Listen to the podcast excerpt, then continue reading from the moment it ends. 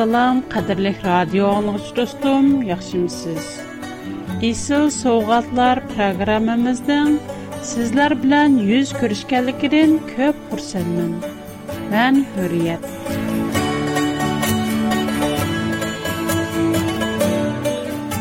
Qadirlik dostlarım, siz bəzidə kəlgüsüdən guman qılamsız. ki Allah bizni gumanğa taşlap qoymudi. İsil Soğatlar proqramısı сізге Алланың sözünü tunuşdurub qoydu. Siz mən bilən болған bolğan барлық barlıq gumanlarınızğa, suallarınızğa cavab tapa alaysınız. Bugünkü söhbət ашырылған əməlgə aşırılğan vəhi Xudanın Құран кәрім 2-ні сөрі бәқәр 285-ні айетті мұндақ дейілген. Пәйғамбар пәрвердігарі тәріпірін оныңғы назыл қылынған кітапқа иман кәлтірді. Алланың пәйғамбарларының ечбіріні айыр өтмейміз Яна 10-ні сөрі Юнус 37-ні айетті. 4-нче Ниса 164-нче аятта мондакмы диелгән. Ләкин Куръан илгәр келгән китапларны тәсдик кылгычыдыр. Без нургын пәйгамбәрләрне яваттык. Уларның арасында илгәр саңа баян кылганларыбыз мы бар?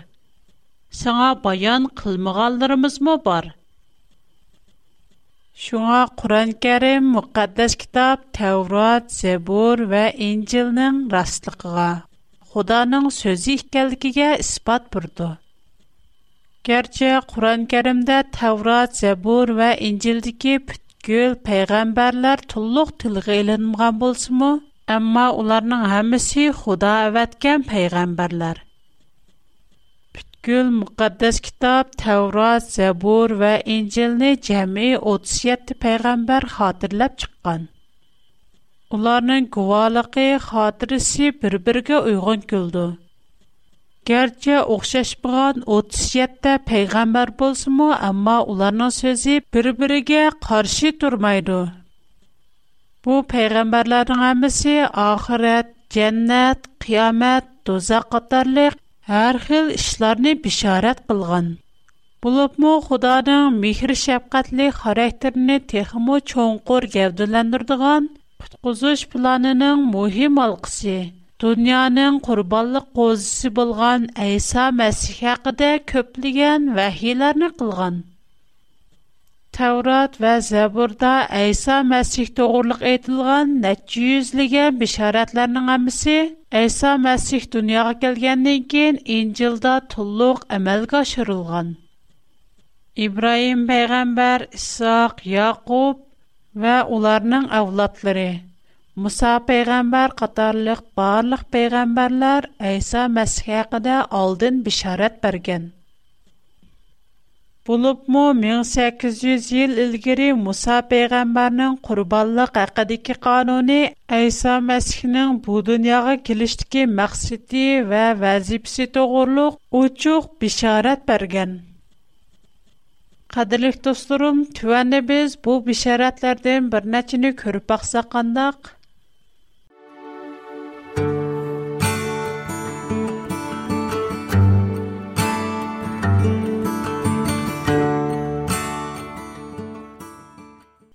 Əysanın qayerdə doğulduğanlığı haqqında Tevrat, Mika kitabı 5-ci bab 2-ci ayətdən 5-ci ayətgəcə mundaq bişarət verilgan.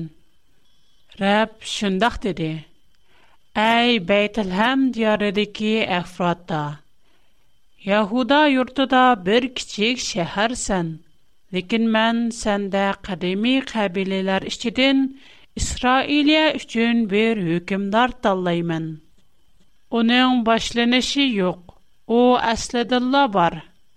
Шуңа таки тоғытыға аз қылған аял о оғылны тәвәллүт қылғыча рәп өз қомыны дишмәлләргә тұтып бірді.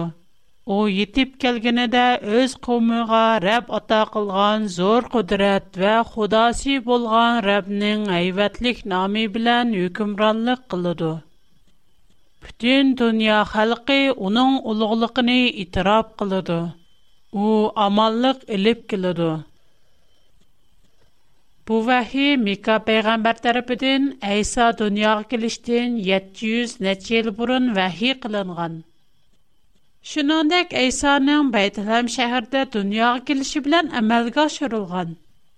Енгел Матта баян кылган хош хәбар 2нче бабта Исаның Бейтлеһәм шәһәрдә дөньяга килгәндә ки, ул дөньяга әmdиле күзәшкәндә Шәриктән килгән 3 алим уныңга найити кыммәтле хушбураклык материалларын һәм алтынларны согыш битлә тақдим кылганлыгы Yana pəriştilər Beydiləm şəhəri ətrafında padı bəqvatqan padıçılarga bu xuş xəbərini yetkizib təntəni qılışqan.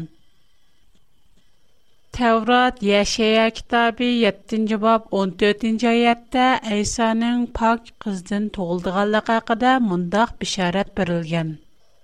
Rəbb sizlərə şəxsən özü bir əlamət göstərdi.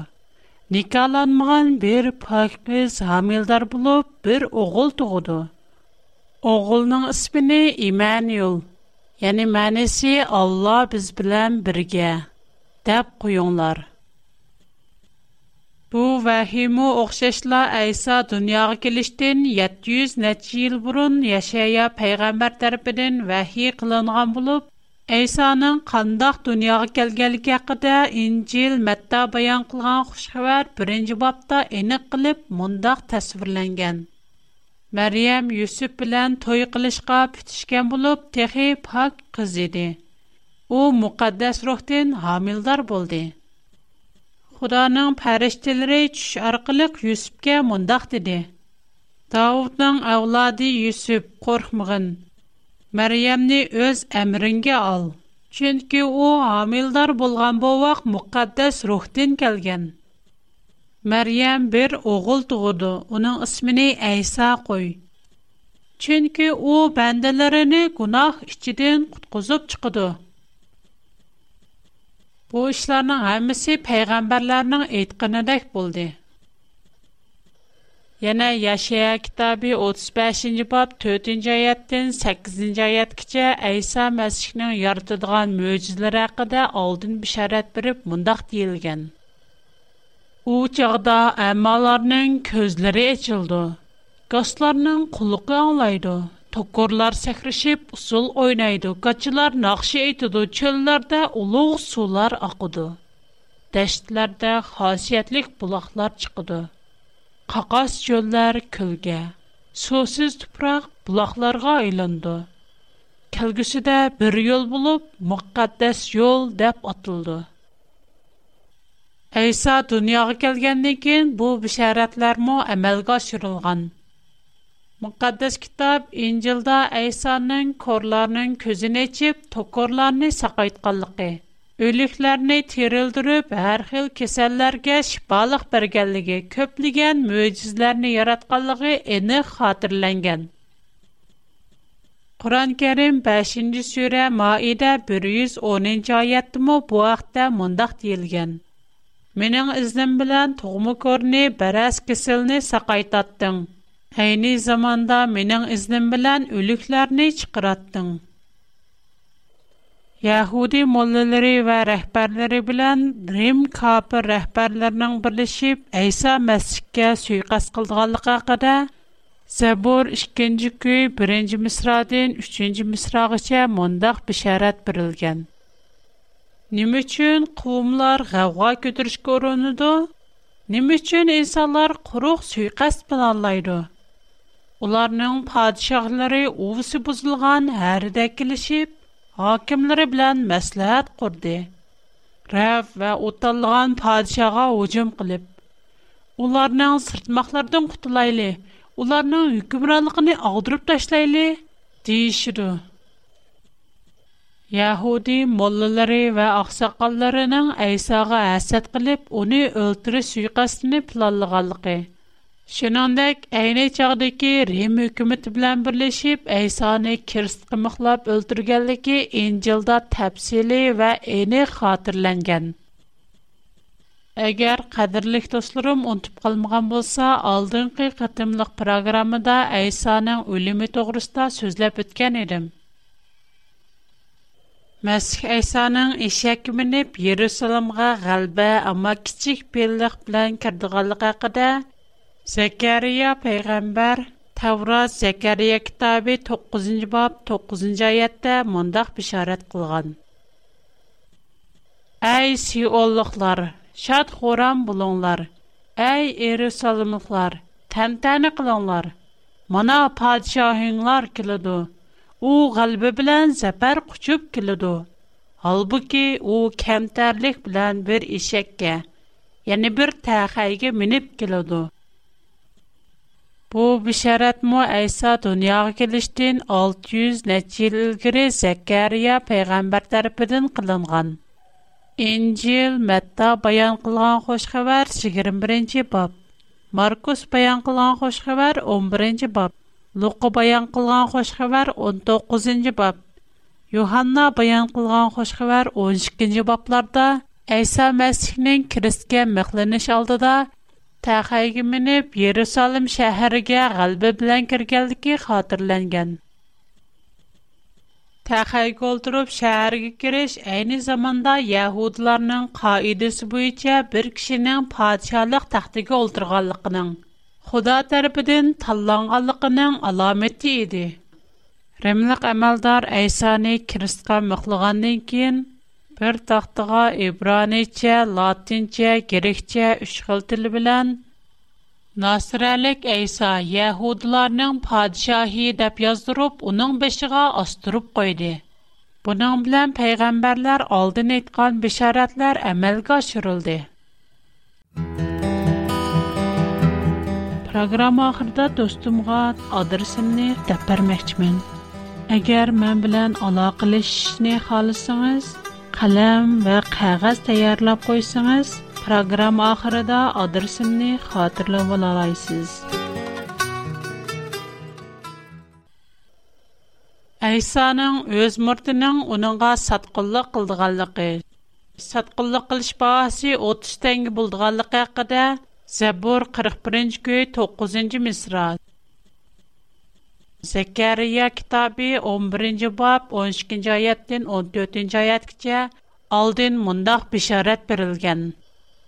Хәтта менә сырдаш достыммы, мен ишенгән ва менә тузымны игәнләрме мине путты белән типиду.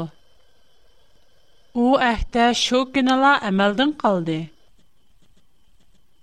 Қой падынларны элеп сатылғанлар маңа диққат нәзір білән Улар буны Рәбнең мән аркылы кылган каламы дип белде.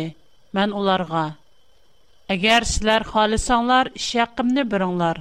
Халмысаңлар, кыле версун" дидем. Шуның белән улар моңа иш якым өчен 30 күмеш берде. Рәб моңа: "Бу пулларны мөхәддәс ибадатханының газенесе кой" диде. Şunun bilan mən 30 gümüşni, yəni ular mənə tigişlik deyə qarğan bu nurgun pulni müqəddəs ibadətxananın xəzinəsinə qoydum. Ondan mən ittifaqlıq degan ikkinci tayoqni sundurib atdım. Bunun bilan Yahuda va Isroilning ittifoqi buzildi. Айсаның шағыртларының біры болған юданың Айсага садкылы-кылғалықи ин, джел, мэтта баян қылған ғош ғавар 26-нч бапта мунда хатырлэнген. Шу кінін кештэ 12 муртның біры болған шығары юртлық юда баш ка хен билан көрішіп мундах диди. Мэн унисиларға тапшыруш не халаймэн? Маңа қанч бұл бірислар? Şunun билан улар onunğa 30 кумиш берди. Şunundan keyin у Aysani уларнинг quliga topshirish учун фурсат издиди. Кейин у Kidron bog'chisida Aysani ularning quliga tutib berdi. Таурат Даниэл китабы 9-нчы боб 24-нчы аяттан 27-нчы аят кичә Айсаның өлеменнең кайсы ел, кайсы ай, кайсы тәте булдыığını һисәпләгән бишарат бирлеп монда кирелгән. Худа синең кәрендәшләреңне ва мукъаддас шәһәрне гынахтан кутырдырышқа 70 йыл тә, 7 ел вакыт белгеледе. У чакта ул гынахларын кечүрәм килеп мәңгellik адалەتی күрсәтте g'oyibona alomat bilan bishoratni amalga oshirib muqaddas ibodatxonani yangboshdan muqaddas qiladi shuni bilishing va tushunishing kerakki erusolimni yangboshdan asliga keltirib bino qilish buyrug'i jakorlangandan tortib xudo tanlagan masih maydonga chiqqicha yetti yarda yetti yil va oltmish ikki yarda yetti Иерусалим шәһәре яңа баштан бина кылынып, көчләре мустакәм мудафия әсләләре барлык келгәчә 62 ярда 7 ел үтүде. Ләкин у җапалык бер мәзгилдер. Бу 62 ярда 7 ел үткәннән кин Худа таллыган мәсих өлтүрелеп, бу шәһәр белән мөхәддәс ибадатхана башка бер әмернең кошылар тарафыдан гумран Әйсаның барлық инсанларның гунахларыны өзінің үлім жазасыны қубул қылышы арқылық өз үстіге алдығанлығы хақыда Тәурат, Яшая пайғамбар кітабы 53-нче бап 4-нче аяттан 12-нче алдын бишарат биреп мұндақ деген. Әмилият болса, О бізнің кайгы әсиртимизне көтіріп, азап уқубатларыбызны өз үстіге алды. Біз болсақ, бо үшларни уни худаның чазалығаллықи, урғаллықи ва кейнағаллықи дап қарудық. Лекин о біздің іхтаасіздікіміз түпейледің яриланды. Біздің кунахларымыз үчін сахмиланды. Оның чазалыниш бәділігі біз арам тапдық. Оның қамчыдым болған ярилари бәділігі біз шпа тапдық. Biz hemimiz huddi koylardak yoldin ezip çıktuk. Her birimiz özümüz dallıgan yolumuzga mangan eduk, bırak perverdigar hemimizden günahini onun üstüge yükledi. O kinilip azap çekken bolsumu eğiz açmadı. O huddi buğuzlaşka yitlep mengilgan paklandak buğuzlaşka elip mengildi. Yon kırkıgıçlar aldı da öntünsüz yatkan koydak İncil Yuhanna bayan qılğan xoş xəbər 1-ci bab 29-cu 31-ci ayətəcə Yahya peyğəmbər İsa toğurluq mındaq degan. Mana bu bütün dünyadakı insanların günahından azad qılınış üçün qurban qılınğan Xudanın qozisidir. Mən sizlərə məndən keyin gəlgüçi məndən uluqdur. chunki u men tug'ilishdan burunla mavjud edi degan edim mana bu dal men tilga ашу ashu Мен men asli кимлигини kimligini bilmaydim ammo bir qutqizg'ichining cho'qim keldiganligini Яна Yana Zabur 22-ci köy 16-cı misradan 18 мисрагача misrağaça İsa'nın ölümüdə putqullarının tişilib, Ustixonlarning saq qoldiganligi, kiyim-kechaklarning boshqalar tarafidan ulashtirilib, kiyim uchun chak tashlanganligi haqida oldin mundaq bisharat berilgan. Razillar meni bir top g'aljirishda qapsivlashqa til biriktirdi. Ular put qo'limni teshivatdi. Mening bir tal so'ngikimmi sunmidi. Ular ko'zlarini chakchaytgancha menga qarab qoldi. Tonumni bilishdi ular, ko'nglim uchun tartishdi cheklar. Zabur 69-көй 21-нче мисрада Айсаның өлимидә уныңга ачык су белән өт суюклыгы аралаштырылган суның ишкизилдиганлыгы.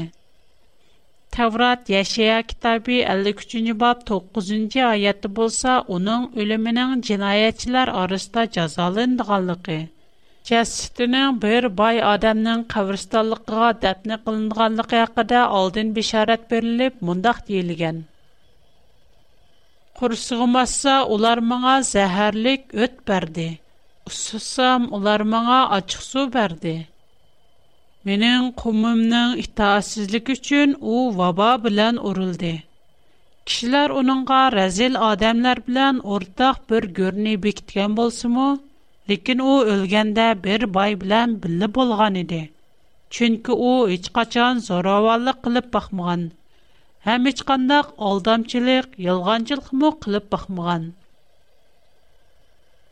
yana ayso masihning o'lib uchinchi kuni terildiganligi terilgandan keyin osmonga ko'tarildiganligi haqida tavrat o'shiya kitobi oltinchi bob ikkinchi oyat Zəbur 16-cı göy 9-cu, 10-cu misralarda mundaq bişarət berilgən. Rəbb həmişə mən bilən billə. O yenimdə bolğaç məzmut durmən. Şuna qalbim xursəllik tulub amanlıq içində yaşayatmən. Çünki sən məni ülüklər yatqan görgə taşlab qoymaysan. Mening tinimni u yerda chiritmaysan. Ikki kundan keyin u cho'qim bizni uyg'otadi. Üç gündən keyin chuqum o bizni yuqori götürdü. Mana bu bisharatlarning hamısı Isa Masihning Kristə məxlənişi. Ölgəndən keyin başqalarına oxşaş put paqalçıqlar çiqitilməy, bəlkə biqiniğa nəyzinin sancılğanlığı. Kiyimlərinin bolsa nəvkərlər tərəfindən öləşdirilib çək tartılğanlığı.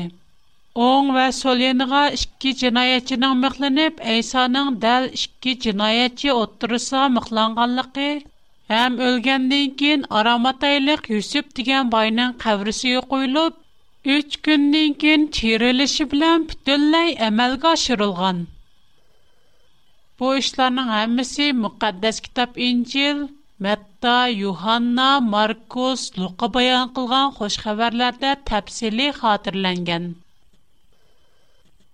Qadirlik dostum, agar siz Əysanın ölüb 3 gündən keyin tirilganligi to'g'risidagi bayonga qiziqsangiz, bu xatirlarni Yuhanna bayon qilgan xosh xabar 20-bob, Matta bayon qilgan xosh xabar 28-bob, Markus bayon qilgan xosh xabar 16-bob, Luqa bayon qilgan xosh xabar 24-boblardan təfsili görə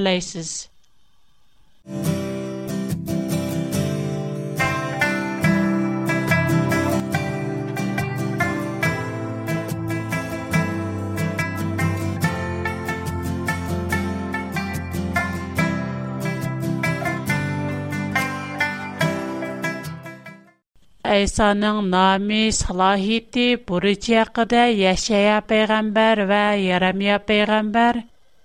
Ярамия китабы 23-ні баб 15-16-ні айет. Яшая китабы 9-ні баб 6-ні айетті мұндақ бишарат берген. Вақты келгенде мән Дауытның нәсілін әққаниет майсысы өстірмін.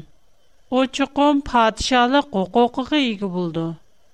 Оның іші әмлий парасет кіт олған болу бьер юзиде адалет ва хаққа ният юргізду. Оның күнліри де Яхуда чукум қытқызулды. Исраилия му чукум амаллықы иришиду. Оның намий парвердигар бізнің хаққа ниитиміз. Бұр бовақ біз ішчин тоғылуду. Бізге бір оғул ата қылынуду. hakimiyet çuqum onun üstüge yüklündü. Onun namı qaltis bulallıqçı, həmmegi qadir xuda, məngülük ata, tinişlik sərdari dəb atıldı.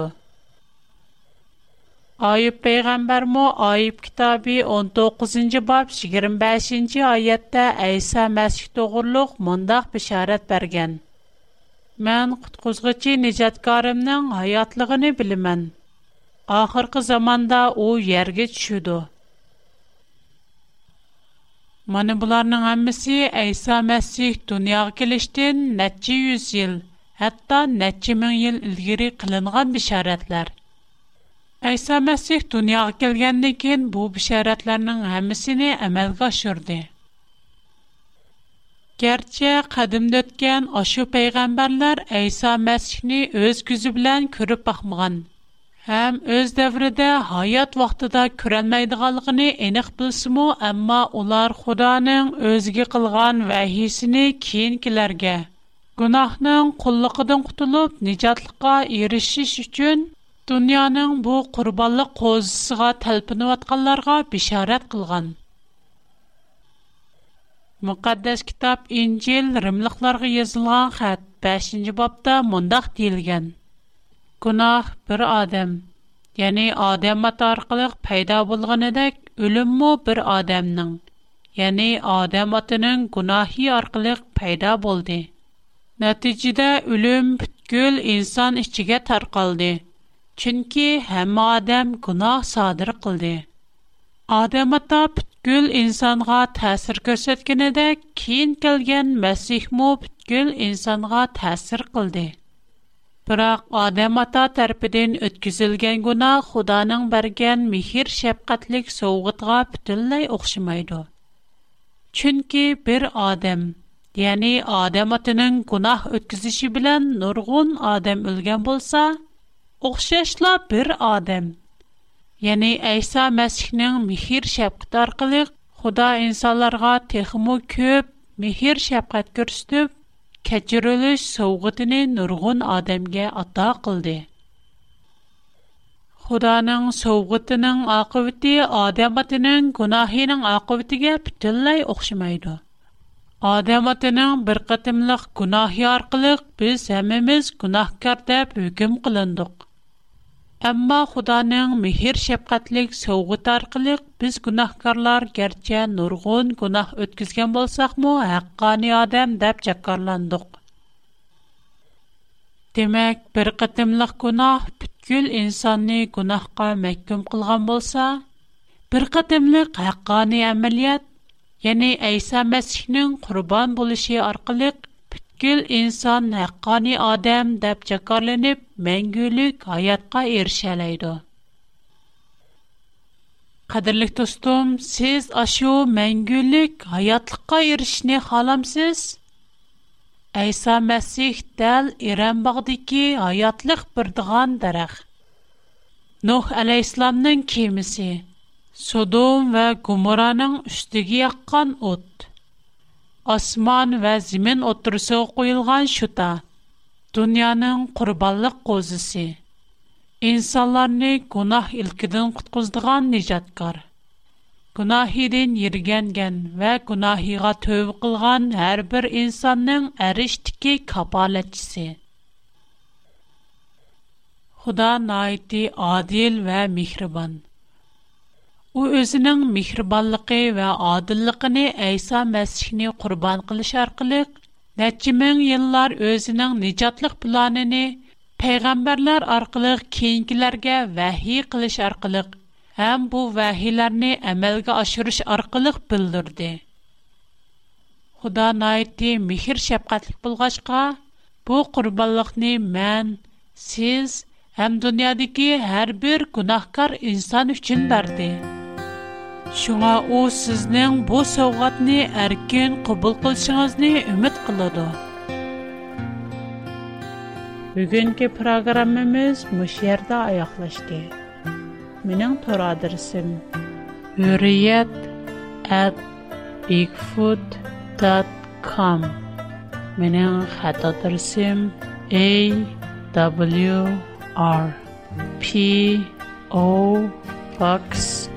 310 Hong Kong Менің қазіше қатадырсым Шанған юджин зунджи шешен 310 номер. Хош, худага манат, хушвақ болыңлар.